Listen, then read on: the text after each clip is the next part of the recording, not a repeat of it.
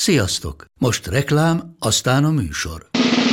A műsor, valamint az élményekkel teli utazások, személyre szabott ajánlatok és állandó kedvezmények támogatója a Molmove hűségprogram. Nyisd meg a Molmove appot a profilodba belépve, add meg a Sport TV promóciós kódot, és tankolj Molevo és Evo Plus üzemanyagjainkból 15 forint per liter kedvezménnyel. Ne feledd, a Sport TV promókóddal most még jobban megéri Molmove tagnak lenni. Vége a reklámnak, jön a műsor.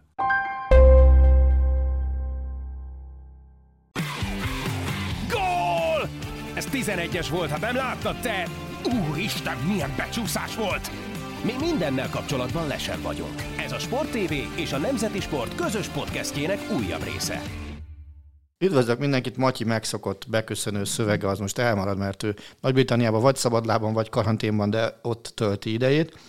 Viszont arra gondoltunk, hogy legyen a két ünnep között is egy műsor, ha már a podcastek felgyőre ezzel terrorizált, hogy a hallgatottság egyik lényege a rendszeresség. Így uh, meghívtam az adásba Galuskát, és már most jelezném, hogy semmiféle komoly futballszakmai beszélgetésre senki ne számítson. Sziasztok, pedig nagyon készültem. Hát figyelj, beszéltünk a 4-4-2-ről, de szerintem mindenkinek jobb a békesség. 4-4-2, tudom mi az. Na mi az? 4 meg, 4 meg 4, ez 8, meg 2 az 10, és akkor 4 védő, 4 középpályás, két támadó. Azt a kutyafáját. Ugye? Ajajaj, nagy a baj. Nagy szakmai lesz ez. Ez nagy szakmai lesz. Még van a dupla VM felállás, arra is emlékszem, de az már lehet, hogy kikopott. Hát uh, ki? A 70-es évek. Jó, Zoli bácsival beszélgettem tegnap, hogy felkészüljek. Atya, úristen. Viszont... Ő, ő is ezt mondta. Viszont ami ugye Galuska kapcsán a hozzácsatlakoztat a futballhoz, az egy elejtett megjegyzése volt a napokban, akkor beszélgettünk az egyik nagy um, hobbiáról, és között, hogy neki van futball, le, futballal kapcsolatos lemeze, úgyhogy ezt, hogyha elárulnád, hogy micsoda, mert el nem tudom képzelni, hogy az mi lehet. Hát van kettő darab, kérlek szépen, két kis lemez, hivatalos nevén Seven Inch, bármivel egy magyar kiadás mind a kettő, ezért csak a kislemez működik rendesen. Az egyiken a te kedvenc labdarúgó csapatod, ami nem a Bayern München, hanem a magyar, a Győri Eto tagjai énekli elképesztő hamisan, a meglátja mester menni fog, a másik pedig azt szerintem az ilyen 80-as évek elejé kiadvány lehet, szerintem a, a spanyolországi foci VB-re jelent meg. A Nyilasi Tibi és Törőcsik András énekelik el a, Gold, a Gól című dalt, a pokol. Mind a kettőt azt hiszem, hogy 300 forintért vettem. Lehet, hogy a kettőt együtt annyiért nem tudom. Tehát azt két dolgot Mi visz téged rá arra, hogy ezeket megvedd? És, mi, mi, és miért veszed meg őket? Hát ezeket csak viccből vettem meg. Egyszer úgy voltam vele, hogy majd a, a Tibivel aláíratom, hogy, hogy legyen valami értéke ennek a lemeznek, ezt mindig elfelejtem egyébként. De de várj, menjünk tovább, mert van egyébként egy harmadik is, ami futballal. Ez még kettőt mondta. Igen, de van, azért mondom, hogy van egy harmadik is, ami hát így, így ilyen furán kapcsolódik csak a futballhoz. Ez a New Order nevű zenekarnak azt hiszem, hogy egy 90-es lemeze, amelyiken ők játszották el az angol válogatott indulóját arra a világbajnokságra talán, de lehet, hogy nem tudom, mi volt ott. Hát 90-ben VB volt, ugye, az az egy jó angol VB volt, mert elődöntősök voltak, ráadásul az, az egy szimpatikus angol csapat volt nekem. Igen, nem, nem illik bele a New Order zenekarba az a szám, John Barnes reppel a közepén. Na, John Barnes-szal kapcsolatban nekem is van élményem. Na. Bár... Eh, Láttad focizni, azt nem, én is. Sőt, én készítettem vele face-to-face interjút, bár olyan fél óráig gyűjtöttem az előtt, hogy oda merjek menni hozzá. Még 2002-ben a, a koreai VB-n volt kint szakkommentátorként, és akkor tücsörgöttem, oda menjek, nem menjek. Tudják ki az a John Barnes, ennyi idő eltelti, vagy ne? De aztán oda mentem, és egy végtelenül kellemes, tök normálisan és tök jól fogalmazó ö, emberke volt, úgyhogy ez nagyon pozitív élmény volt vele kapcsolatban, és tök, tökéletesen elnézte azt nekem, hogy hát akkoriban az angol az nekem az általán beszélt nyelvek közül messze a negyedik volt.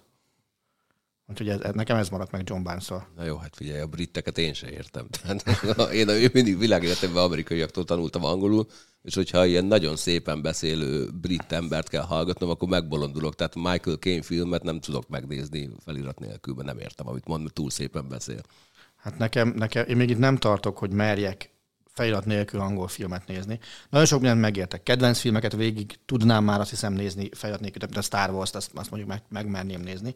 De most az angol tanáramtól az a karácsonyi feladat, hogy nézzek meg egy sorozat epizódot, először, hogy mi is a sorrend? magyarul angol felirattal, aztán angolul magyar felirattal, és aztán angolul, és akkor írjak róla egy, egy összegzést, hogy, hogy mi az, ami már megy, mi az, ami nem megy belőle. Én egyébként őszintén szóval azt ajánlom, hogy angolul néz filmeket angol felirattal. Mert Úgy még, a- az nem volt benne a... Az olvasás mindig egyszerűbb, és az egyébként nagyon sokat dob az értéssel is. Én elhiszem, de vissza a lemezekhez, mert Én... Azt hittem a futballhoz. Nyugi! Ah. Beszéltünk a futballról. Futball is lesz. Lesznek futball kapcsolatos kérdések is, ne aggódjál. Tehát nem fog kárba vészni az a felkészülés, amit mestered és példaképed végeztetett el veled. Tehát- 56 márciusában született. Jézusom. És akkor most kiadta egy újabb titkot a szerkesztőség. Dobogós a szerkesztőségben egyébként idősséget tekintve? Szerintem igen. Hát szerintem második. A Don az első, ugye? Igen, Kaplár F. József az első, szerintem Zolcsi bácsi a második, és a harmadik helyért nagy vita van, mert az Engyel Pista tegnap nem volt hajlandó elárulni, hogy mikor született, mi meg lusták voltunk arra, hogy kitaláljuk. Fülöp Lacival versenyzett a harmadik. Fülpa, Fülpa mikor született meg? Tudom, Ja, se- ilyenekre már nem emlékszem. Azt hiszem az ennyire egyébként idősem, mert egyszer ezt nézegettük. Hogy én nagyon csodálak téged, bevallom őszintén, azért az elkötelezettségért, amivel te lemezeket gyűjtesz. Tehát az, amikor engem elhajtottál Svédországban egy lemezboltban egy bizonyos lemezért, a kettőért, bocsánat, Kettőért. kettőért. Az egyik azt tudom, hogy Tone nevű zenekar. Mind a kettő dó volt. Mind a kettő volt? Az egyikre emlékeztem, hogy bementem, néztek rám, mondták, hogy na jó, akkor gyere, és akkor hogy honnan jött neked ez, hogy, hogy bakelit lemezek, és, és az irántuk való rajongás, és azoknak a gyűjtése. Nem menjünk bele abba, hogy bakelitből soha nem készült lemez, de Jó, van már. vinil, na, jó. Hát nem, figyelj, én világéletemben gyűjtöttem. Tehát én, én a gyűjtögető típus vagyok, és kezdek róla leszokni. Tehát inkább visszavettem. Úgy nézel rám egyébként, az én lemezgyűjteményem a több ismerősöm lemezgyűjteményéhez képest semmi. Az, na jó, de Tehát az a- általam ismertek között azért az egy valami. Jó, akkor, hát akkor így mondom. Tehát én nem abban a szcénében mozgok. Ro- rossz helyen barátkozol. Tehát én vil- világéletemben gyűjtöttem zenét is, rengeteg zenét fogyasztok, ezt mind a mai napig, bár amikor több időm volt zenét hallgatni, és mondjuk senkire nem kellett tekintettel lennem, hogy milyen hangosan hallgatok, és mit, mert azért elég extrém dolgok is néha terítékre kerülnek. Akkor én kazettán gyűjtöttem, meg lemezen. Aztán jött a CD, elkezdtem CD-ket is gyűjteni, de azokat nagyon utáltam. Nem tudom elmondani egyébként, hogy miért nem, nem szerettem soha a CD-ket. Aztán jött a stream, amivel én nagyon jó barátságban vagyok, mert igazából azt az egy élményt vette el, hogy egy csomószor volt, hogy bementem egy lemezboltba, ránéztem a borítóra, na ezt megveszem akármi, az hazavittem, és meghallgattam, hogy fúj, de rossz volt te jó ég. Ezek, ezek kiesnek, de így egyébként egy csomó nagyon jó felfedezést is tettem. És végül is a lemez maradt meg, mert a, a lemez szól úgy, ahogy szól, és a lemezzel adod meg azt a szertartásos zenehallgatást, hogy azt, azt föl kell tenni, rá kell tenni a tűt, szép nagy a borító, amit kezeljünk úgy, hogy művészeti alkotás, és az a lehető legnagyobb méretben megjelenve adja ki magát, ez jelen pillanatban a 12 incses bakelit, illetve benne vannak a szövegek, legtöbb esetben néha nem, és néha egyébként nagyon jó mellé olvasni a szövegeket, mert kurvára nem érte semmit a károgásból. Az a furcsa, hogy mondta, hogy benne vannak a szövegek. Nekünk otthon, tehát anyukámnál még vannak régi típusú lemezek, sőt, lemezjátszó is van, még tű is van hozzá. És azokban, ahogy így visszaemlékszem, nincsenek benne a szövegek. Hát a régi hungarotonosoknál nem nagyon volt mellé rakva ilyen Ha. e- egyéb extrém dolog, hanem az csak szépen egy ilyen kis izé, sejjen papírtokba be volt rakva az. lemez. Így van. Egy, egy-két zeneszámnak van esetleg a szövege. Tehát van olyan Omega lemez, amin van, van szöveg. Hát az Omega azért nemzetközi piacra készült leginkább, tehát ott azért erre figyeltek az ilyen részletekre, hogy legyen rendes booklet, rend, legyenek benne rendesen infók. Mai napig is van egy csomó olyan, amelyikben nincs benne a lemez, tehát a minél kis, kis kiadók néha nem figyelnek arra. Korda Gyuri bácsiéktól is van kis lemez otthon, arra emlékszem. 100 forinté vehetsz bárhol. De nem, tehát ez megvan. Meg az, az, a furcsa, amikor a, a keresztlányaim nézegették, hogy jé, keresztapu, ti még ezt hallgattatok gyerekkorotokban, hogy hát, izé, Hát a Fülöp Marci pár héttel ezelőtt a kezébe vett egy lemezt, és így nézegette, és így megkérdezte, hogy figyelj, fölrakod, ez szól? Mondom, hogy igen. Ő, még, ő ilyet még csak a filmekben látott. hát a lányok is ugyanígy vannak vele, hogy nekik ugye ott a YouTube, meg a, meg a különböző tévécsatornák, és ők így rácsodálkoznak, hogy ez is volt, meg az, hogy volt olyan nap, hogy nem volt adás a tévében. Volt. Meg, meg, hogy összesen két csatornából tudtál, jó esetben két csatornából tudtál válogatni. Hát mondtam, hogy ja, Hát volt ilyen jó, hát ez ezeket így majd így lehet mesélni. Én találkoztam olyan 20 valahány éves emberrel, akinek el kellett magyarázni, hogy mi volt az a betárcsázós internet, mert nem tudta elképzelni. Tehát vannak ilyenek, hát ez ugyanúgy én sem tudom, hogy milyen lehetett az élet az 1800-as évek végén, ha. el sem tudom képzelni, bár egyébként megnézném, az 50-es éveket pláne megnézném, de ez mindegy.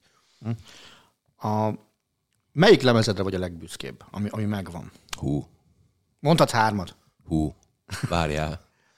Hát, várjál, viszonylag egyszerű egyébként a válasz, az a lemez, amit soha a büdös életben senkinek nem fogok elmondani, hogy mennyiért vettem.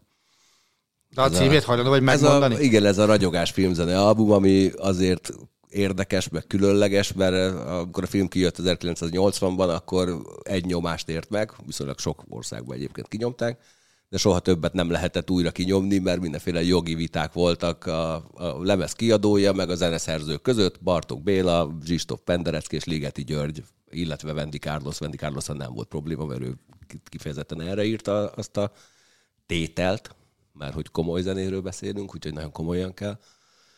És én nagyon akartam azt a, a filmzene albumot, de úgy voltam vele, hogy hát most azért nem fogok, tudom én, 60 dollárt meg postaköltséget fizetni, hogy valahonnan jön, majd egyszer szembe jön az életbe, hallgatni úgyse fogom, mert komoly zenei műveket nem hallgatsz ilyen válogatás verzióba. És akkor egyszer csak teljesen váratlanul a Kalóz nevű lemezbolt Budapesten kirakta az Instagramjára egy sztoriba, hogy hát van nekik egy ragyogás filmzenéjük. Hú, mondom, jó, hát azonnal írtam rájuk, hogy akkor ez nekem kéne, de nem tudom, milyen állapotban van. Valójában egyébként mindegy, hogy milyen állapotban van, mert szarba is megvettem volna, mert azt nem arra veszem, hogy hallgassam, hanem arra, hogy ott legyen a polcom. Ez a, egyébként a gyűjtő szenvedély egyik pokla. Ne kezdjetek egy gyűjteni, mert rossz. És hát visszaírt az ember, hogy hát nem nagyon tudja egyelőre fölbecsülni az árát, mert ő visszanézte szakoldalakon, és ilyen állapotban, amilyenben ez van, még soha nem került eladásra interneten keresztül, mert hogy ez kb. úgy néz ki, mint hogyha most vették volna le a gyártósorról, tökéletes állapotban rajta van a celofán, egy 1980-as lemezem. Hát mondom, jó, írtam neki, hogy figyelj, akkor szerintem ez nem az az árkategória, amit én szeretnék kifizetni. És utána még hosszasan leveleztünk, végül is arra jutottunk, hogy tulajdonképpen ez nem egy hanglemez, ez egy műtárgy.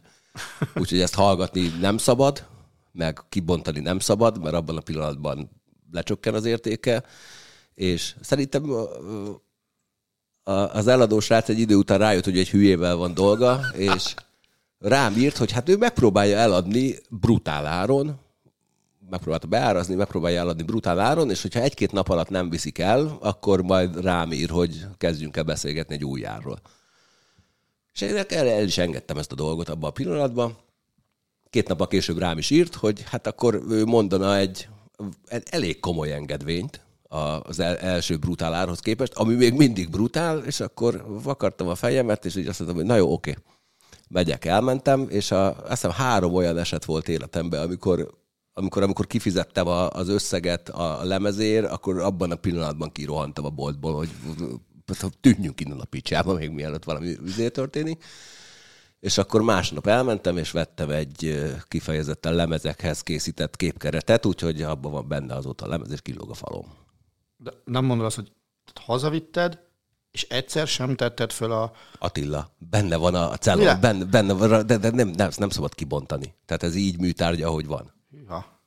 Na, én erre nem nagyon lennék képes. Én ugye alapvetően futballsálakat gyűjtöttem, kicsit még most is gyűjtök, de, de azokat, ahogy látod, jó párat, a, a kevésbé értékeseket, azokat én használom is.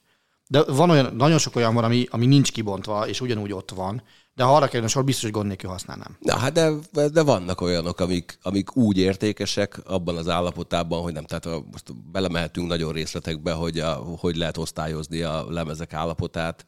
Na, és a, ez érdekel, mert én nem értek, sokáig, nem értek hozzá. Ez nagyon-nagyon sokáig tartana. Van az úgynevezett mind, az a legértékesebb, az a tökéletes állapotban lévő lemez, ami, ami biztos, hogy nem volt soha lejátszva, és az esetek nagy részében bontatlan. Azért a legtöbbet. Tehát ha van olyan lemezed, és valaha szeretnéd eladni, akkor, akkor egyébként, tehát azok, akik úgy gyűjtik a lemezeket, hogy, hogy befektetés alapon, úgy, hogy majd egyszer csak eladják, és és egyébként nagyon sokan vannak ilyenek, ők nem mondják ki a lemezeiket. Azok ott vannak a polcon, és adott esetben vesznek egy, egy ritkább, vagy egy nem egy, egy könnyebben elérhető verziót, amit meg hallgatnak. Tehát, hogyha hmm. vannak valami nagyon kurens cuccaid, azokat nem biztos, hogy kibontod. Én nem ez vagyok, én kibontom. Volt olyan időszak, amikor nem bontottam ki. Én, én kibontom, de mondjuk ezt meg nem, mert ezt tényleg ezt műtárgynak vettem. Tehát ezt a, a, azt abban a pillanatban tudtam, hogy ezt nem fogom hallgatni. Ah. Volt olyan lemez, amit megbántál, hogy megvetted? Ha van egy csomó, neked adom őket. Nekem biztos, hogy nem. figyelj, nekem, nekem itt Budapesten nincsen, nincsen Hát lejátszó. vagy van egy csomó olyan lemez, amit, ami akkor megvettem, és, és mondjuk utána így nem, nem hallgatom. Egyébként egy csomó olyan van, amelyiket így megnéztem, és kurva értékesek, de, de most igazából abban én nem akarok beleülni, hogy elkezdjem elodogatni őket. Ha van valami ismerősöm, akinek nagyon kell, akkor általában egyébként odaadom nekik. Tételezzük fel, hogy van egy fenenketlen pénztárcád. Igen. Mi az az egyetlen lemez, amit megvennél belőle, hogyha lenne rá lehetőség, és nincs meg neked? Ö, megvan, csak nem abban a kiadásban. De tehát figyelj, van rengeteg, tehát, tehát iszonyú árakat el tudnak kérni de, de az levelekért. az, hogy, az, hogy A- téged például mi érdekel? Mi az a lemez, ami most a te szemedben a number van kúrens termék?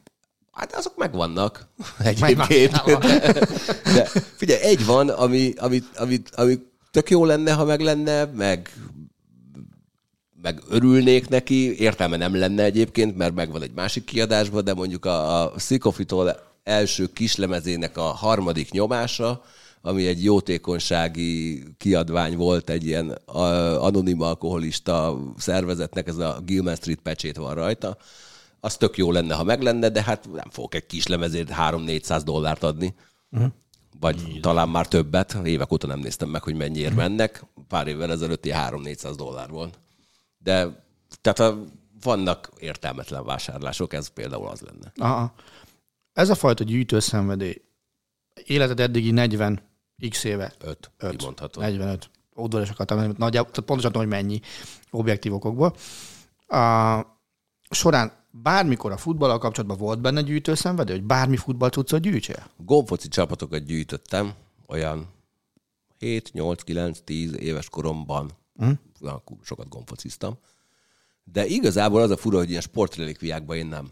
Nem? Tehát, a, tehát hokis cuccokat sem nagyon gyűjtök. Van, volt olyan mez, amit meg akartam venni, és akkor azt megvettem. Valójában, ha megkérdezik, hogy miért vettem meg, igazából azért, hogy meglegyen, de nem látom magam előtt azt a szituációt, hogy azt valaha fölveszem, mert, mert miért venném föl.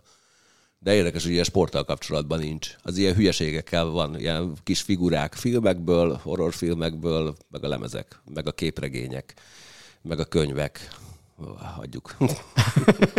A kis figurák között van sportoló, vagy, vagy szigorúan filmes ö, alakok vannak benne? Van sportoló, van kérlek szépen, van egy Péter Forsberg figura, aminek letört a feje. Van, -e, van két Joe Sekik, az egyik Nordics mezes, a másik Avalanche mezes, meg van egy nagy Patrick Roham. Verekszik, Annak- vagy nem verekszik? Nem verekszik, térdel, és azt hiszem neki is letört a feje. A gombfociknak mi lett a sorsuk? Eladogattad őket, megvannak, és hát ha Maxim egyszer felhasználja, Ö, nincsenek meg, és ö, hát ö, ö, valahol ott maradt. Aha. Egyszer egy készített gombfoci pályával együtt valahol ott maradt. Egyszer Zoli bácsi mondta, hogy hogy ha esetleg elhoznám, akkor ő nagyon örülne neki, de mondtam, hogy szerintem nem fogok oda visszamenni, ahol, ahol jelen pillanatban, ha még megvannak, akkor vannak. olyan gombfoci volt, amiben fotók voltak, vagy, vagy az a régi klasszik, hogy, hogy fotó nélküli? Vagyis hát nem klasszik, de egy olyan, mert nekem olyan is volt otthon, ami, nem volt fotó, meg semmi. Hát, volt egy év, amikor én így viszonylag komolyan vettem a, a gombfocit, és akkor ugye nem a fotóssal játszol. Egyébként a hmm. többsége, hogy a kérdésedre válaszoljak, az a többsége fotós volt, szerintem egy 30 vagy 40 csapaton volt. És, és volt egy nagyon rövid időszak, szerintem ilyen 9-10 éves koromban, amikor így komolyan vettem, és vettem ezt a, a, az igazi verseny gombfocit, ami ugye üres, amelyiken csak egy szám van talán, és semmi más. És akkor esetleg ráírhatod, hogy tudom, Vladimir Kubaszov. Volt ismerősöm, aki egyébként két, két csapattal járt versenyekre. Az egyik az kizárólag KGST országok miniszterei voltak, a játékosok, a másik pedig űrhajósok. És akkor nála Kubaszov védett. Farkas Bertalan tagja volt a csapatának? Természetesen. És uh, amikor játszottál gombfocit, uh, Csaltam, mint az állat. Ez lett az egyik kérdésem. A második az, hogy közvetítetted a meccseidet. Nyilván, ordiváltam. És a harmadik az, hogy ö, játszottál, nem tudom, hogy hívják azt a pálcát, amivel a nagyok is szoktak játszani. Hát az a verseny, a persze. vers, azzal is játszottál, vagy csak, vagy csak újjal? Játszottam pálcával, mert hogy igazából a verseny gombfocit szerintem rendesen lőni újjal nem lehet, uh. mert hogy túl nagy. És akkor ott is van többféle vastagságú pálca. Tehát egyébként abban is bele lehet bolondulni, nem is értem, hogy abban miért nem bolondultam. Na, bele. nekem sikerült annak idején, csak én, én nem versenygomfocival nyomtam, hanem, hanem ilyen kezdetlegesebb gomfocikkal, és irgalmatlan mennyiségű bajnokságot, közvetítéseket nyomtam hozzá, statisztikákat készítettem, hogy melyik számú játékos. Tehát nem kép akartam. volt rajta, hanem csak szám, és akkor ki hány gólt rugott. Hogy... Azt akartam kérdezni egyébként, hogy spirálfüzetekbe vezetted el Mint az egyébként. állat, De Na jó, persze. én is. És És a másik ilyen, ami, amit nagyon kevesen hinnek el rólam, főleg a mai eh, fejemről, hogy én a matchboxokkal játszottam ren- rengeteg Forma 1-es futamot otthon a szőnyegen, és Azt is nyomtam, ne aggódj. És ilyen Mindig különbö- egy Audi Quattro nyert. Azt ott is csaltam. nekem Audim nem volt. Nekem volt egy, ami, ami sokszor nyert, az egy buggy volt, arra emlékszem, meg azt hiszem egy Volvo volt a másik, ami, ami, ami rengeteg futamot tudott behúzni otthon a szőnyegen, és akkor a szőnyegen különböző Ezt a rengeteg futamot tudod behúzni, ezt úgy mondod, mint hogy nem te döntötted volna el, hogy ki nyer. Nem feltétlenül. Főleg, főleg amikor a hugommal sikerült játszani, és akkor ott löki az ember, meg minden, és, és óhatatlanul jönnek a veszekedések, meg, meg minden ilyesmi. De én ezért játszottam egyedül, ne kelljen kívül összeveszni. De soha mi rengeteget játszottunk egyébként. Még, még ketten képesek voltunk otthon focikaput is ácsolni a kertbe magunknak. Tehát, hogy, hogy Hát ácson, hát ott. szép. Szép. igen. Bocs. Szóval, ez, ez, ez, ezek ilyen tök szép emlékek voltak, és, és ilyenkor gondolom azt, hogy, hogy tényleg végtelenül hálás vagyok azért, hogy, hogy így ilyen gyerekkor lett, hogy tök szabad volt, és, és, és lehetett játszani mindent. Tehát ez, ezért is uh, voltak nehéz dolgok, amiket az idén ugye el kellett viselni az embernek. Na mindegy. Viszont ha már beszéltünk zenéről, beszéltünk futballról, azt hadd kérdezem meg, ismerve te az enyémtől kicsit távol álló zenei ízlésedet. Figyelj, az ézeni ízlésemet egy szóval lehet jellemezni, varieté, én mindent hallgatok. Én is hallgatok mindent, de azért azt lássuk be, hogy amikor egyszer-egyszer megszólalnak zeneid ott, és régen velem szembe fent a szerkesztőségbe, akkor azért az, ez mi kérdés, az egy nagyon udvarias kérdés tud lenni. Figyelembe véve ezeket a zenéket, amiket hallgatsz, meg, ismer, meg azért ismered a futballcsapatokat, hiszen azért szerkesztesz fociműsokat. Melyik futballcsapatnak írnád meg az indulóját, és miért? És milyen stílusban? Hát fogalmam sincs, de figyelj, az, az, figyelj, ugye az induló maga az, az, az úgy determinálja, hogy ennek egy ilyen lelkesítő valaminek kellene lennie, alapvetően egy olyan catchy refrénnel, amit együtt tud énekelni mindenki, de ilyen zenét ritkán hallgatok. Úgyhogy alapvetően nem tudom, hát van a, hozzuk a legegyszerűbb példát. Egyébként a San Paulit, amelyik irgalmatlan mennyiségű punkzenekar írt számot, ami a San Paulihoz kötődik. Egy, még szerintem ilyen, még, még talán a Mastodonnak is van valami dala, ami, ami meg nem punkzenekar, de, de ami a San Paulihoz köthető, de lehet, hogy a Turbo Negrónak, én már nem tudom, már össze-vissza keverem ezeket. De mondjuk a legegyszerűbb példa az az, hogy, hogy kizárólag a, a Dropkick Murphy stílusában tudnám elképzelni, akik szintén írtak ö, indulót a Boston Red Soxnak, vagyis hát a régi indulójukat modernizálták egy Tudom, azt kicsit. én tőled kaptam meg cd Igen. Az tök értékes. Meg is van. Jazzára, jó. Ők ír, volt egy időszak, amikor a Boston Bruins Goal songját is ők írták, az is egy ilyen régi, borzasztó orgona zenét egy kicsit felújítottak, hogy egy kicsit hallgathatóbb legyen. Illetve hát a, a, a, azt, azt hiszem Oscar díjas a Shipping Up for Boston, de, de Oscar jelölt az biztos, hogy volt. Az, a, ami ugye nem sportindulónak indult, de jelen pillanatban szerintem úgy, így nagyjából a legtöbb sportcsarnokban ezt azért meghallod, legalábbis az elejét. Úgyhogy én abba a, a stílusban mennék.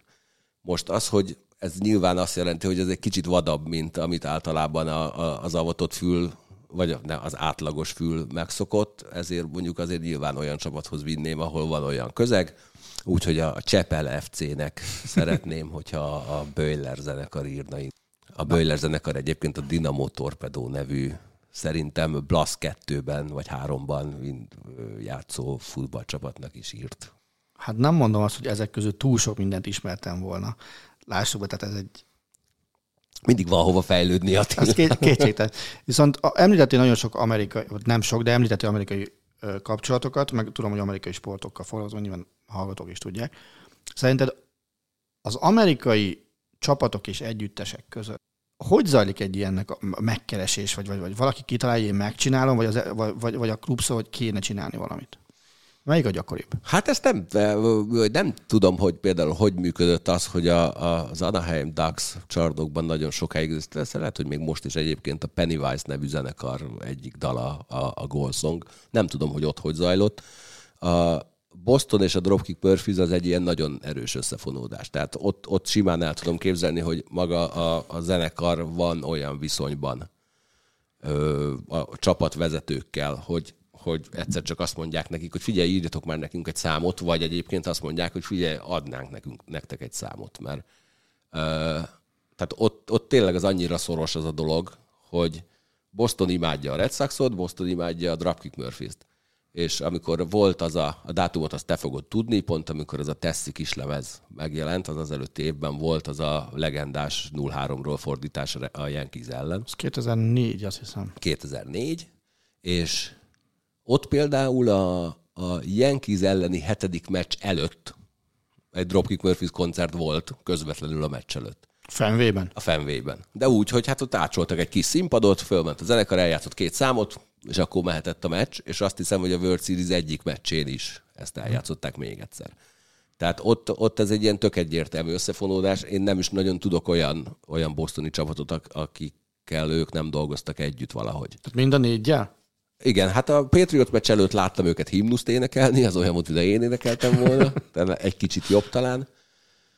Ö, nem, talán a celtics nem csináltak semmit, vagy legalábbis nem tudok róla. Ah, és a bruins mit csináltak? Hát ott a Golsong van, de ott uh-huh. is volt, volt koncert, hogy ö, két harmad közti szünetben az egyik lelátó részen, és nem is tudom ki, valamelyik Boston Bruins korábbi játékos szállt be hozzájuk gitározni. Uh-huh. De van egy videóklipjük, amelyikben Bobby Orr szerepel, tehát ott, ott ők nagyon be vannak épülve. Ebben Ez a, legerősebb szimbiózis zenekar és amerikai sportközösség között? Szerinted? Szerintem igen.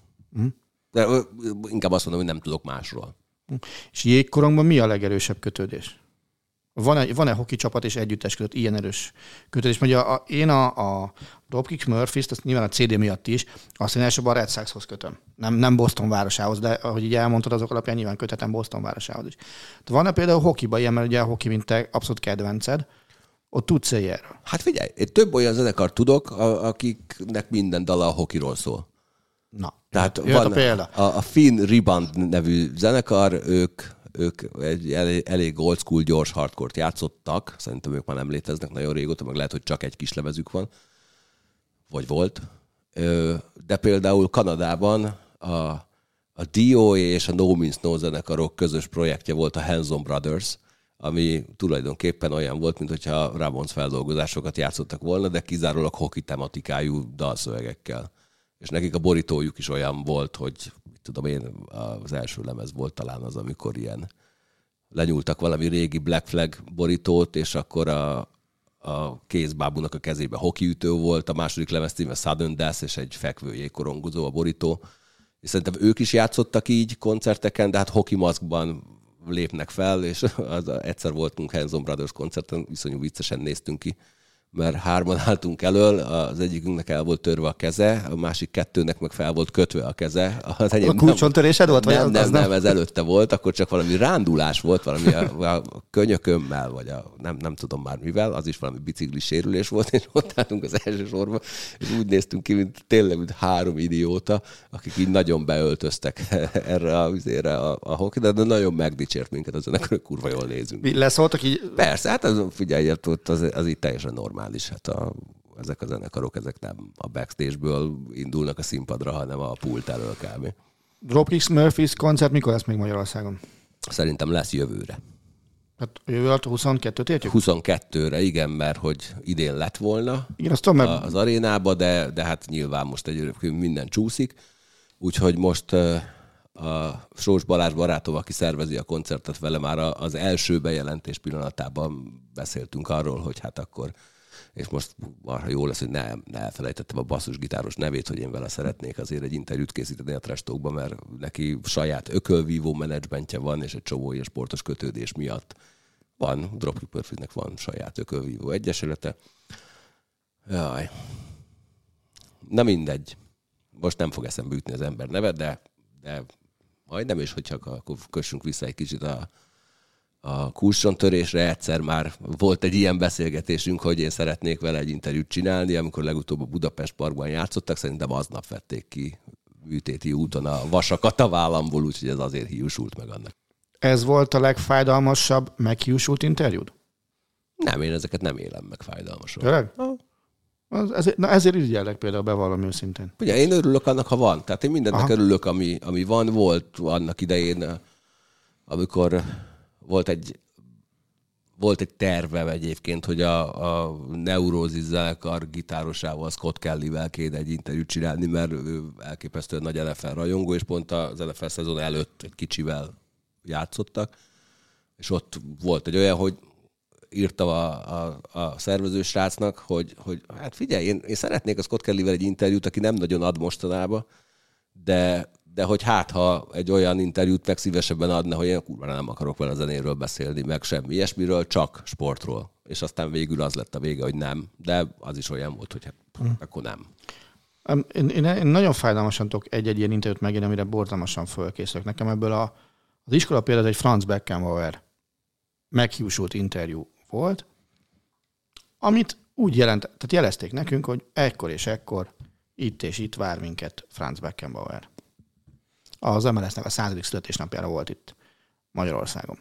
Oda mentem, sehol senki, mondták, hogy elnézést, de menjünk el a, a régi siposba, ott fog ebédelni, és akkor ott várjuk meg, és akkor ebéd után természetesen áll rendelkezésünkre. És akkor valóban ott már ott volt Beckenbauer ebédelt, majd úgy elhúzott, mint a fene. Tehát véletlenül, aki ezt nekünk kiajánlotta, az egy, egy emberrel felejtett el beszélgetni, az Beckenbauer volt.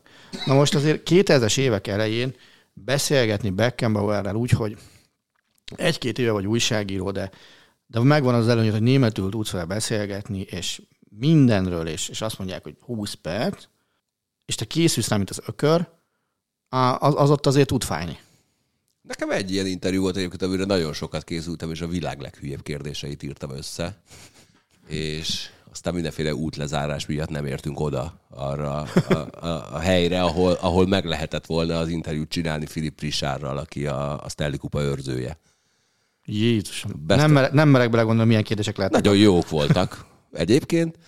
Na, Egy-kettőre emlékszel, vagy, vagy nem annyira? De hát a hányféle folyadék volt már a kupában, és melyik volt a leggusztustalanabb, az, az nyilván volt, meg hogy mi volt az, amire, arra egyébként tényleg nagyon kíváncsi lennék, hogy mi volt az, amire azt mondta, hogy nem. Uh-huh. Hogy azt nem lehet megcsinálni a kupával. És arra nagyon sokat készültem, de nem értünk oda, már csak az ünnep, ünnep részre. Nem is tudom, hogy kivitte haza akkor a kupát. De mindegy, ez lényegtelen is.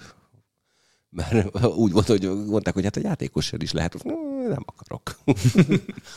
Filip Richardhoz több kérdésem lett volna, és, és akkor az, az meghiúsul, de hát azt is végül is, tehát én úgy vagyok, hogy én nem akarok idegeskedni azokon a dolgokon, amik végül nem valósultak hmm. meg, mert, mert, mert minek? Mert megváltozni ettől nem fog, csak rossz kedvem lesz tőle. De utána személyesen találkozhattam egyszer Filip Richardral, és az, az is egy ilyen iszonyú véletlen volt. Amikor Budapesten volt a, a Divízió 1-es VB. Volt pár. A legutóbbi. Hm? Ami Amikor- amikor a britek mentek igen, föl? Most a, ugye, a, a sok törlés miatt marha nehéz összerakni, hogy ez pontosan melyik év, de mondjuk szerintem 2018. Ha 19 Kazasztán és 20-21 elmaradt, akkor igen. És ott azt mondom, hogy az első napon nem voltam itthon, a második nap reggelén értem, a VB második napja reggelén értem vissza Budapestre, és hát megyek, akkor fölveszem az akkreditációmat, és jövök fel a, a metróból a lépcsőn, és az első ember, aki szembe jön velem, és ott csak ott kóvályog magába a Philip Richard. És így, fú, akkor Philip Richard megkérdeztem, hogy hol lehet fölvenni az akkreditációt, mert biztos tudja, tudta egyébként, mert rossz felé indultam, mondta, hogy ne arra menjek arra. És akkor egy két mondatot váltottunk, de nem akartam nagyon mm. fárasztani azzal, hogy, hogy most akkor velem kelljen erről beszélgetnie. Ugye, ami miatt még csodálak, és szembe merlek dicsérni, mindenképpen, hogy honnan ered belőled az a hihetetlen, sokszor számomra eszement kreativitás, ami egy-egy ilyen műsorszerkesztés kapcsán jön, jön elő. Meg akár ezt a Filip Richard interjút, hogyha megnézzük, hogy miket akarsz te megkérdezni tőle, meg miket akar megkérdezni tőle egy átlag újságíró, és a kettő az ilyen irgalmatlan messze. De ebben nem vagyok biztos egyébként, mert ez egy nagyon csacsogós ember, meg, meg nagyon jó sztoriai vannak. Tehát szerintem tőle lehet hülyeséget kérdezni, sajnos viszonylag, azt nem tudom, hogy ő ad ritkán interjút, vagy ritkán kérnek hmm. tőle, de engem marhára érdekel, hogy milyen az, amikor főállásod az, hogy egy 30 kilós ezüst kupának te vagy az őrzője. Ez a dolgod. Na, nem tudom, szerintem ez, ez, ez egy marha érdekes dolog, de hát figyelj, nem. Te kreativitásnak hívod, én köszönöm, én hülyeségnek. Tehát a, a valójában... Szerintem most kivételesen önmagam szerint udvarias Igen, voltam. Nem is értem. Nem tudom, mit akarsz. Figyelj, nem. Én, én, én úgy vagyok, hogy, hogy ami bennem van hülyeség, azt én nem folytom el. Tehát én, hmm. engem nem zavar az, hogyha ha valaki adott esetben engem egy végtelenül komolytalan idiótának néz, mert valahol az vagyok. Uh, és, és nem akarom túlságosan komolyan venni magamat, meg a, az életet sem, leginkább olyan területeken, amelyeken nem kell, hogy komolyan vegyem magam. És érted, lehet, hogy ezek az interjúk, ezek jobb is, ha nem készülnek el. Mm amikor hülyeségeket kérdezek, mert, mert adott esetben valaki nem vevő rá, nem, nem érti, és mit tudom én, de például egyszer nagyon jól, amikor nem én készítettem azokat az interjúkat, akkor Denverben voltunk szuperlevivel, mm. és hosszasan bomb, de szerintem már rengetegszer elmeséltem, nem vagy elmesélem még egyszer, hogy rengeteget bombáztam a szervezőket, hogy ott ugye volt egy öreg fiúk meccs. Ó, azt tudom. A, igen, a, igen. Az, az NHL meccs előtt, és tulajdonképpen mi azért mentünk, és úgy voltunk vele, hogy ha abból az öreg fiúk csapatból a Colorado Detroit meccs előtt bárkivel tudunk egy szót váltani, akkor olyan boldogan jövünk haza, mint az állat. De a hivatalos programban nem volt beszélgetési lehetőség a, a, a öreg fiúk játékosokkal, és folyamatosan írogattam, hogy valakit adjanak már oda. Nekem tök mindegy kit, mert abból nem tudsz egyszerűen rossz nevet kiválasztani, és valószínűleg nem én voltam az egyetlen, aki ezt írogatta, mert egy nappal a meccs előtt reggel hatkor kaptam egy e-mailt, hogy na, akkor délelőtt 10 óra, akkor ebbe és ebbe a szállodába lesz lehetőség. Nem írtak oda nevet, senkit az égvilágon. Azonnal írtam a Levinek, hogy figyelj, korábban reggelizünk, lementünk reggelizni, és akkor mondta, hogy hát akkor, hogy, hogy akkor kivel akarunk majd beszélgetni. Hülye vagy, de hát akit odahoznak, teljesen mindegy. Nem mindegy, hogy ki az, aki, akit odahoznak, nem tudsz egyszerűen rossz rosszat kapni, és hogy hát mit fogunk tőle kérdezni. Hát, mit tudom én? Nem tudom, hogy ki az, felesleges most elkezdeni készülni, majd jönnek én ezeket a játékosokat viszonylag jól ismerem, te is jól ismered őket. Lehet, hogy lesz egy-két marhaság, ami eszembe jut, és nem volt sok egyébként, de az mind a kettő működött, szerencsére. Hogy oda sétáltunk, és a, miközben a liftre vártunk, mondták, hogy az első emeletre kell fölmenni, kinyílt a liftajtó, kisétált rajta Péter Forsberg, és a Levi... El a léte? De így mondtam, hogy nézd már, hova megy? Neki fele menjen, hát fölfelé. És akkor a Levi megrontott a vállat, belegítettem már vele egy jégen. és akkor megnyugodt, és fölmentünk, és így néztük, hogy hú, hát itt hogy fogunk odaférni emberekhez, mert hogy oda csődült mindenki. És akkor szépen lassan jöttek az emberek, szerintem két órán keresztül tartott az egész, de másfélig biztos. És ilyen random így egyszer csak így megjelentek emberek, és így láttuk, hogy nézd már, ott, ott van izé Dan Hine a, a fal mellett, mert éppen senki nem akar vele beszélgetni. És akkor egy nagyon-nagyon sok ilyen egy az egyes interjút lehetett csinálni, és mit tudom én, Rob Blakehez az volt az első kérdésünk, aki akkor a, a szerintem még most is a Los Angeles Kingsnek a, a general menedzsere, Stanley Kupa győztes, iszonyú jó hátvéd, meg legenda, és szerintem ő sem arra számított, hogy az lesz az első kérdés, hogy milyen érzés lesz neki úgy játszani, hogy a vezetőedző az az ember lesz, az az ember lesz kinevezve vezetőedzőnek, aki, aki rácseréltek el annak idején a, a, a Kings-től, és így hát így nézett, elrögte magát, és mondta, hogy hú, nagyon kemény. Említetted Levit. Ugye, aki esetleg nem tudná, te Kornéllal meg Csabival ugye az NBA kapcsán is végig Amerika egy részét nálad hitelesebben senki nem tudja azt elmondani, azt gondolom, hogy mennyire igaz az, hogy egy NBA-ben vagy NHL-ben játszó vagy megforduló játékos előtt sokkal könnyebben kinyílnak az ajtók, még akkor is, hogyha a világ 555. szegletéből jössz oda. Ez biztos. Tehát a, nézd, a, a Cornéllal időrendben haladjunk, de már sőt, kicsit borítsuk fel, és ott arról én csak hallottam. Mert volt egy olyan, hogy a Levi Kim volt nekünk forgatni Santa Clara-ban egy, nem is tudom már kivel játszott a Los Angeles Kings egy itott pályás meccsen. Hmm. Talán a dax egyébként. És hát ott is ö, oda sétált, igazából kevesen tudták, hogy ki ő, de akik meg tudták, azok, mit tudom én, az egyik csapat játékosa, Robin Rigér, aki azonnal oda ment hozzá, és, és szerintem nekünk adott először interjút, vagyis hát neki, mert akkor én azt nem voltam ott, és aki felismeri, ő, ő ott, ott azonnal egy baráti csevej alakul ki. Most a Levit kevesebben ismerték föl, ami óriási szégyen számukra, mert azért szerintem a világon nagyon kevés olyan kapus van, aki a két junior trófeát megnyerte, és csak a Stanley hiányzik a gyűjteményéből, pláne európaiként. A Cornélnál meg figyelj, magas ember, akiről azonnal azt feltételezik, hogy kosárlabdázó. És, és tehát a Cornél akkor már szerintem 20 éve nem volt az NBA közelébe játékosként, de mondjuk megfigyelőként igen, de besétáltunk a szállodába, bejelentkezni, és a, a recepciós fiúnak az volt az első kérdés, hogy úgy nézel ki, mint valami régi bulc játékos. És akkor voltunk neki, hogy várjál, föl kéne venni ezt, mert pont nem forgott a kamera. nem, nem tudnak megismételni, nem tudtuk, meg nagyon kínos lett volna. De a, a Cornélnál azt láttam, a Cornél tényleg felismeri. Hm. Tehát a, a, volt kötődés. Láttuk, amikor elmentünk forgatni a Bulls edzésére, akkor is a, a, az egyik helyi újságíró azonnal írta ki a Twitterre, hogy hogy Dávid Kornél itt van a Bulls edzésén, és két idióta követi kamerával, biztos dokumentumfilmet forgatnak róla.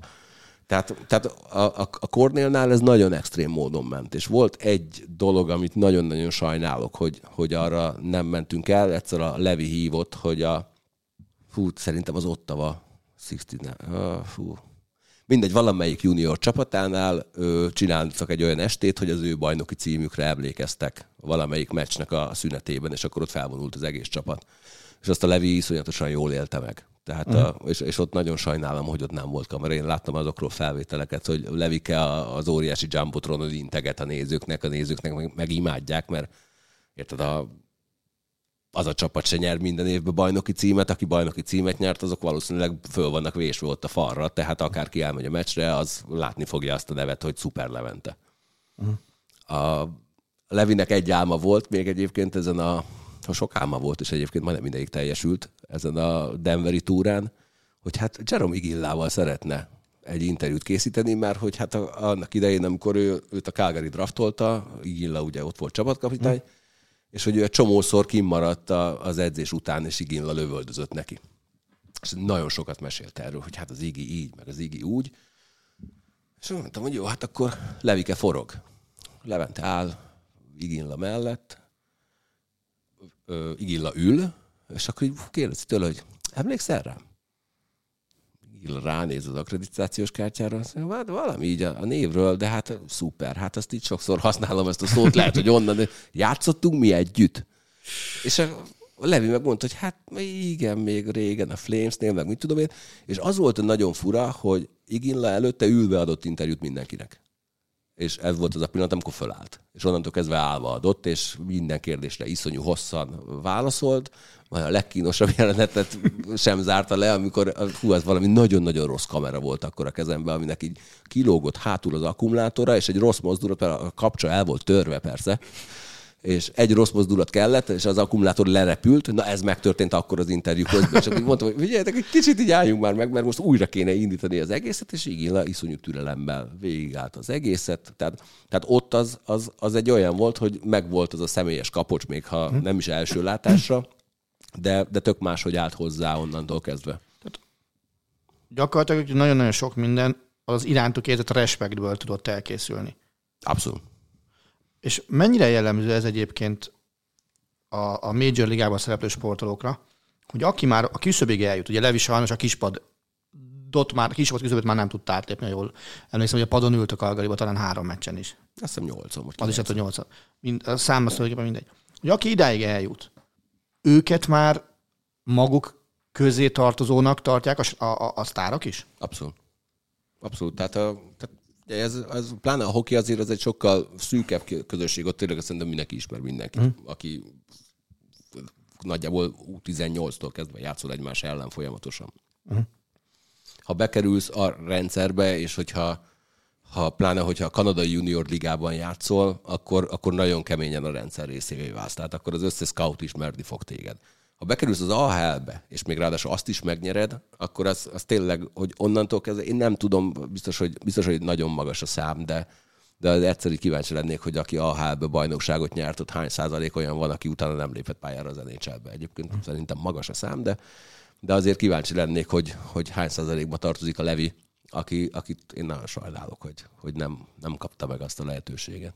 A Kornél megkapta, és nem bántva a Kornélt egy kicsit se, mert minden tiszteletem és szeretetem mehet az ő irányába, de ha rákeresel ilyen listákra, akkor a Kornél nevét gyakrabban találod meg a Chicago Bulls legrosszabb igazolásai listáján, mint a legjobb játékosok listáján de ettől függetlenül mindenki tudta, hogy ki az a Dávid Kornél, és mindenki megadta neki azt a, a, azt a tiszteletet, hogy oké, okay, ez egy NBA játékos. Lehet, hogy nem teljesített kiugróan, de, de ettől függetlenül megütötte azt a szintet, amit azért a világ kosárlabdázóinak nagyon kis százaléka üt meg. Igen, nekem ezzel kapcsolatban már ugye személyes újságíró élményem van, hogy amikor a Kornél bekerült az NBA-be, én már nemzeti sportnál dolgoztam egyetemistaként. És ugye jöttek az első meccsek, és igazából sem újságíró, sem szerkesztő, tovább még sem olvasó nem tudott mit kezdeni a helyzettel. Tehát az, hogy van egy ember Magyarországról, aki az NBA-be ott van, és a nagy Jordan utáni érában a Chicago Bullsban játszik, hogy ezt hogy kezeld. És tökre emlékszem rá, hogy volt olyan szerkesztő, aki azt akarta, hogy tök mindegy, hogy hány meccsen játszott a Kornél, de igenis minden meccs után nyilatkozzon, és legyen nyilatkozat arról a meccsről. Ha már szerez egy lepattomot, akkor három kérdés válasz is legyen, stb. stb. Más meg azt mondta, hogy mi a fenét kell ezzel foglalkozni, se dupla-dupla, se semmi nincsen, majd, majd, ha elér valamit. És, és ugye, vagy, vagy hol léped át azt a küszöböt, hogy címnapra is kikerüljön. Nyilván az első meccs nem kérdés, az első meccs, hogy játszott. De utána kint kell lenni például minden alkalom, amikor pontot dob az NBA-be. Úgyhogy ő az első és egyetlen magyar játékos az NBA-be.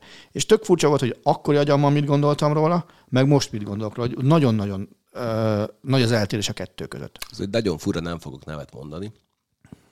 De én Azt én is kerültem szándékosan Én akkor most. a Telesportnál dolgoztam, amikor Kornél kikerült az NBA-be, és emlékszem, hogy az első meccse után az még egy olyan világ volt, nagyon fura volt, hogy végig hívtuk az összes szállodát a városban. Nem tudom, hogy hazai meccse volt-e az első.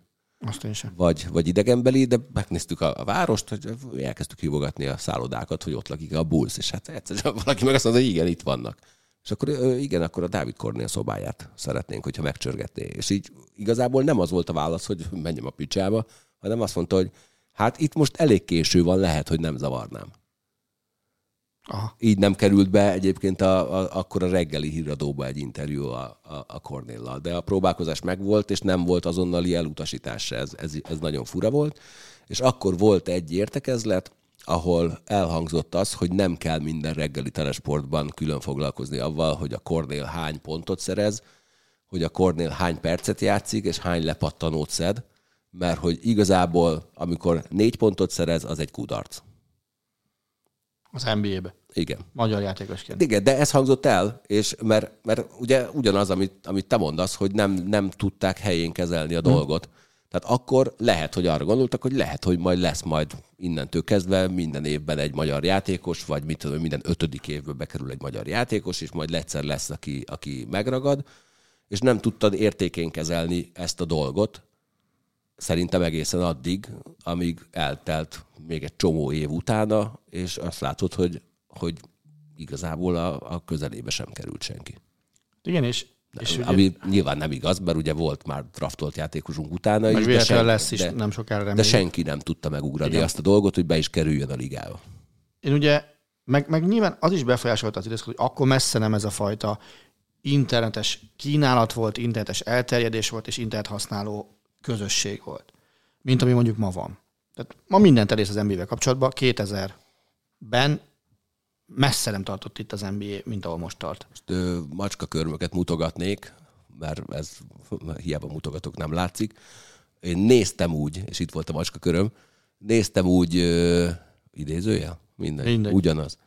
Néztem úgy ö, Chicago Bulls meccset akkor annak idején, hogy csak a play-by-play közvetítésnél láttam, hogy hoppa Cornél egy assziszt, hoppa Cornél egy lepattanó, hoppa Cornél kihagyta, hoppa Cornél bedobta.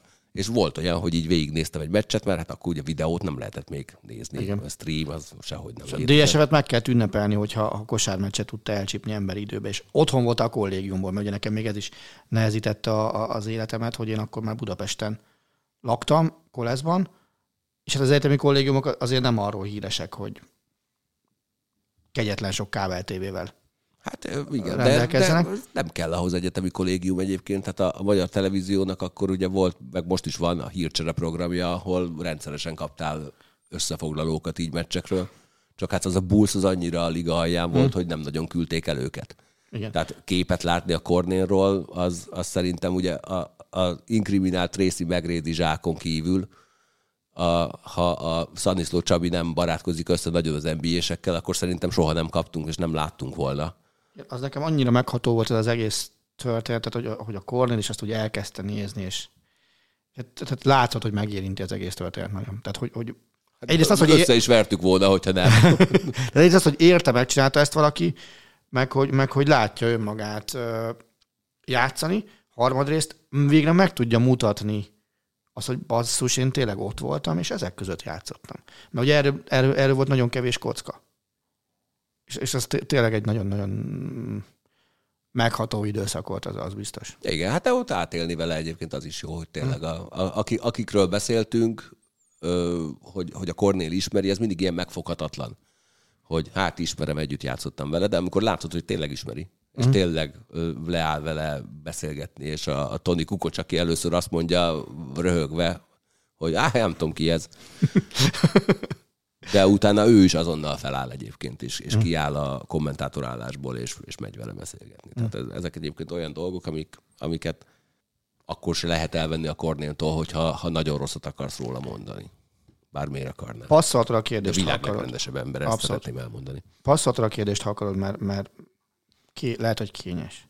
Mi az oka annak, hogy Amerika a saját legendái kezelésében sokkal jobban áll, mint mi? Hát ezt nem tudom.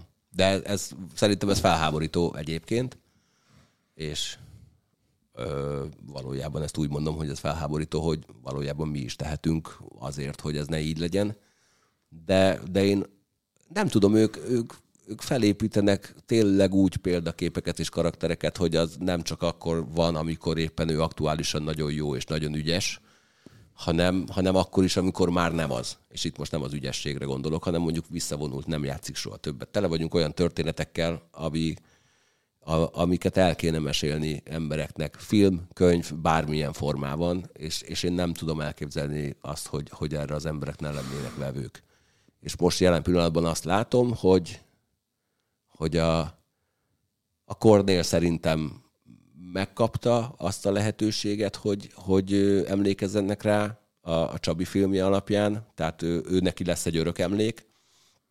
A szaporói válogatottat azt, azt én igyekeztem feldolgozni, az is elérhető lesz, amíg van internet a világon, és nem üt be az atomkatasztrófa.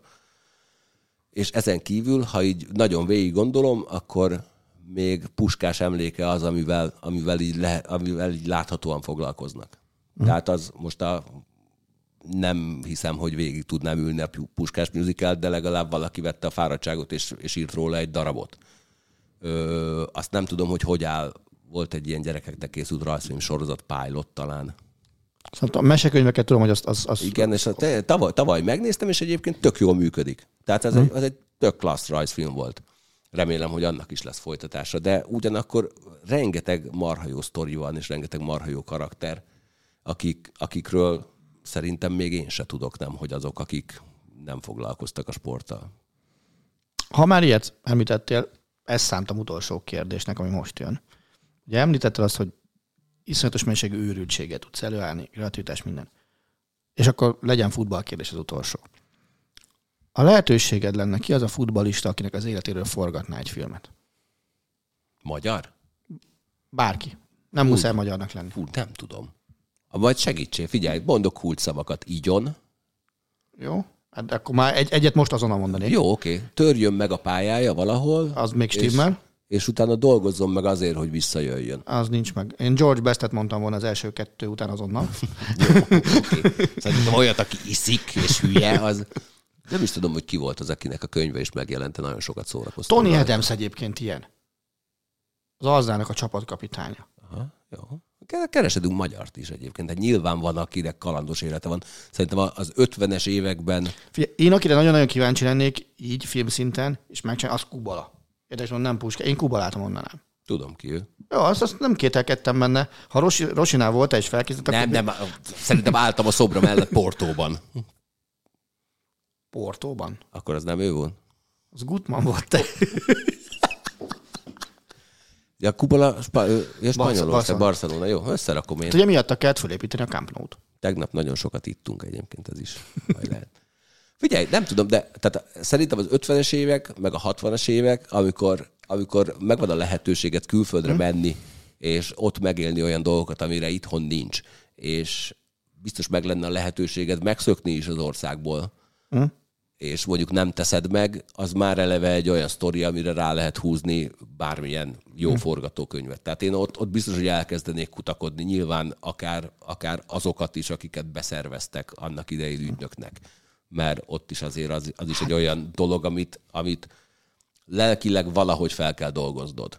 Mm. Utána meg pláne, amikor meg kiderül, akkor pláne. Tehát az, az is mind egy olyan történet, ami... Ebben a terminológiában bellik az is, amikor az Újpestnek a, aki beleszedett egy színésznőbe, és azt hiszem Szűcs, keresztnevével bajba vagyok, és őt föl is akasztották utána az 50-es években. Szerintem rettenetesen sok ilyen történet van, mert igazából, ha, ha nekem filmet kéne forgatnom erről, akkor például kerülném a, a, az olyan kliséket, ezeket a nagyon magasztos dolgokat, hogy a, ami, amivel kezdtem egyébként, mint első ötlet, mert először pénzt kell keresni, hogy utána jó filmet csinálj, amikor ezt a, a felemelkedés, bukás, vagy bukás felemelkedés történetekből ebből van egy millió, az emberek kajálják, még a 247-et is, tehát, tehát lehet olyat csinálni, de, de lehet olyat is egyébként, ahol maga a sport az a háttér, és a, az összes lelki, érzelmi döntés, ami, amit meg kell hozni adott esetben a sportér, vagy azért, hogy,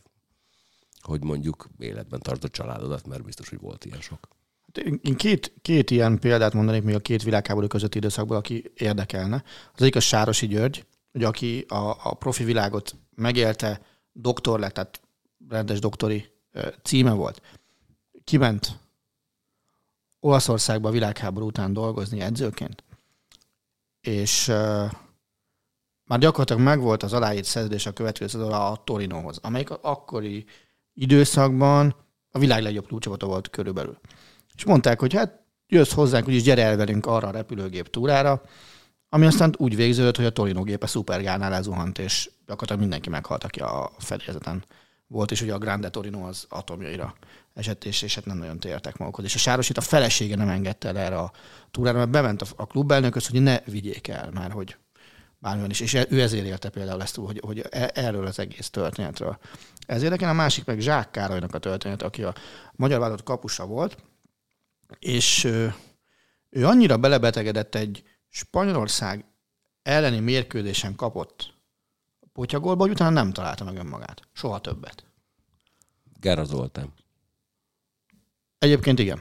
Tehát róla. A, Aha. zaklatott gyerekpult, a, a, a onnan, onnan felépülés és a, a, a megtérés is egy kurva érdekes része lehet, meg az, hm. hogy utána tulajdonképpen szerintem Angliában ő a legismertebb magyar labdarúgó. Talán. Második világháború után biztos. Uh-huh. Ja. És Dombi Tibor. Dumb és Dumber 3. Az egy van man show lenne. Az az. De figyelj, de, de, de, de Sándor Tamást is mellé rakhatod bármikor, tehát ott, ott bárkit bár És, mellé és, rakhat. esetleg még egy epizód szerepet a Sanyinak adnánk benne. Nem. De. Most nagyon szépen köszönöm, hogy itt voltál, és bízom benne, hogy valamelyik Kérdezzél már még fociról, hát figyelj, hát... Mit szeretnél? Elmegy itt a tudásom. Ajajajajajajaj, tudásod, jó? Na Attila, ki volt a kedvenc játékosod 1986-ban? Marco van Basten. Akkor várjál. azon a VB-n, akkor te a hollandoknak szurkoltál, és nem az NSK-nak? Nem, azon a, azon a tehát Ugye nekem... azt mondja, hogy azon a VB-n nem is voltak ott a hollandok. Hát ez lett volna a következő, ugye- ugyanis Magyarország ejtette ki őket. Tudom, A, a, hát hogy ne tudnám. a, se- én Marco van Basten fanatikus voltam a 80-as években nagyon. Tehát amikor, amikor ő az Ajax-szal ö, keket nyert a, akkor nem még Malinesként ismertük, azóta a Mechelen-nél lett csapat. Azt hiszem, ő, ő előtt, vagy a Lokomotív nyertek, mindegy. Tehát az, az, én ott nagyon megszerettem, és amikor elment az Ajaxba, és ahányszor visszatért ő térsérülések után, meg hát az, az, az, az a gól, az, az nekem örökre a, a kedvenc gólom, amit a Dászájevnek toszott a, az EB Európa Ez bajnokság. nem 86. 88. Na hát azért. 86-ban is már, én, én akkor is már fanbasztán felé. Na, és fordultam. akkor még egyet mondok neked, Tony Schumacher életét is feldolgoznám. Na, arra, arra, az, arra nagyon kíváncsi lennék a, arra az egy jelenetre, amit ugye Schumacher kapcsán mindenki hajlamos emlegetni, hogy a Batison tört. Ja, hát hát ő, ő, mit mondana róla? Vagy írt róla egy könyvet tulajdonképpen. Nem olvastam a könyvet. én, még, na, én viszont igen. Akarod, hogy meséljek róla? Na, Egyébként igen. nem. Figyelj, ez egy nagyon ér, az, is, az is egy nagyon érdekes sztori. Egyébként, és, és nyilván az, az, a, az, várjál, az nem VB volt. De hogy is nem. Az VB volt? 82-es VB elődöntő. 82-es VB-n volt, amikor ő hát úgy jött ki, hogy főhúzott lábbal, hát Ha, mint az állat, mondjuk ki. Tulajdonképpen egy UFC-s mozdulatot láttál, egy repülő térdest, és Batiston ott elterült a 16-oson belül, Hát és azt hittem, hogy meghalt első. kb. igen, és akkor úgy vitték le, és például hát ugye nyilván ez, ez a középpont, és, és ott van is egy feloldozás, egyébként pár évvel később azt hiszem egy barátságos meccsen volt, amikor egy NSK Franciaország meccs volt, és és, a, és mindenki arról cikkezett, hogy mi lesz az, amikor ezek először találkoznak, és egyébként a, a Schubert egy nagyon hosszú fejezetet szánt ebbe a könyvbe, ami egy igazi kis köcsög volt, mert ott nagyjából egyébként leírta, hosszasan felvezette, hogy így, így, így várta mindenki, hogy itt most vérfürdő lesz, és bosszú, és mit tudom én, és a nagyjából a, a hosszú fejezet utolsó két mondata pedig az volt, hogy egy szögletnél előre jött, megölelgették egymást, aztán ment tovább a meccs. Pont. Nekem egy, egy ilyen karambollal kapcsolatban, nem futballban, de kézlabdában vannak emlékeim, mert én ugye Komárom Esztergom megyében nőttem fel, és hoz, jártam egy újság, amivel természetesen a sport alatt mindig elolvastam, és ugye ak- akkoriban a Tatabányi Bányásznak egy irgalmatlan jó kézlabda csapata volt, és uh, Tatabányán volt egy meccse né- németekkel, és Pánovics Lajos meg Joachim Dekkár találkozott egymással a pályán, és és egy végtelenül szerencsétlen ütközés jött össze, aminek a vége az hogy Dekkár örökre toló, tolószékbe kényszerült. Tehát soha nem tudott onnantól felkelni. Tehát más volt a talaj, bebaszta a fejét, totálisan bénulás, minden, és hát visszatérően kísértette a, a magyar játékost ennek a, az emléken. Nem tehetett róla, tehát nem is látták egymást, hogy, hogy, hogy, hogy össze fognak ütközni, meg semmi ilyesmi. És akkor ugye minden évben, minden második évben jött egy interjú vele az újságba, és, és döbbenetes, hogy egy-egy ilyen eset az mennyire meg tudja változtatni az embert, meg mennyire át tudja írni a karrierjét. És én ebből láthattam egy happy endet is Németországban, mert nem tudom megmondani, hogy EB-n vagy VB-n voltam kint, de köszöntötték a, a németeknek a hát azt hiszem világbajnok csapatát, amiben Dekkán még játszott. Dekkán akkor a világ legjobb játékosa volt körülbelül, tehát nagyjából így kell elhelyezni. És elhozták Dekkámot is erre a, az egész eseményre, és, és tényleg az, az, hogy betolta a csapat tolószéken, az borsozik az embert, hogy, hogy fölállt az egész Köln aréna, és, és óriási vastaps volt. Na hát akkor ott a párhuzamos történet, Konstantinova Detroit Red Wings hátvédje, aki egy Stanley Kupa ünneplés után elég csúnya autóban esetet szenvedett, és hát ő is tolószékbe került, aztán most a járógépekkel szerintem jár, mm. és a, ott nagyon sokáig titkolták az ő állapotát, így évekkel később, egészen addig az estéig, amikor Steve Eisermannek visszavonultatták a vezét, aztán egy pont egy Anaheim elleni meccs volt, akkor a Máté Palival nagyon összevesztem, arra emlékszem.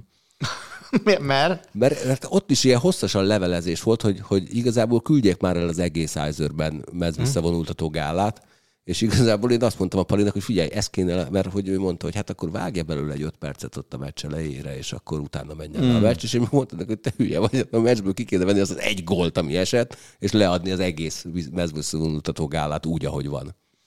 Végül hát ő a főnök, ő nyert. Tehát ment, ment a vezmezbe. Persze. Nem, ő nyert, a meccs ment. És ott volt az, amikor ö, szólították a, a nagy orosz ötöst abból a Detroitból, és akkor Konstantinov egy járókerettel, vagy valami járó robottal érkezett meg. Ki volt még ott? Konstantinov, Larionov, Kassatanov talán? Nem, nem, nem tudom, ki volt ott. Ki volt még ott? Fyodorov? Megy ez. Most hányat találtam eddig-e? Minden, nagyon ügyes vagy. Ez, ez volt? Figyelj. Na. Akkor tök jó. Én, Ehhez is értesz. Figyelj, és róluk meséltél a karanténkaszt egyik első részében, hogy valami, valami dokumentumfilm is készült. Van, a, igen, Kem nem is egy egyébként, de van a, a, a Russian Five című, ami kifejezetten erről a Detroitos Ah, sorról szól. Egyébként az nagyon, nagyon fasz a cucc. Egyébként az orosz hokiról nagyon sok nagyon jó dokumentumfilm készül.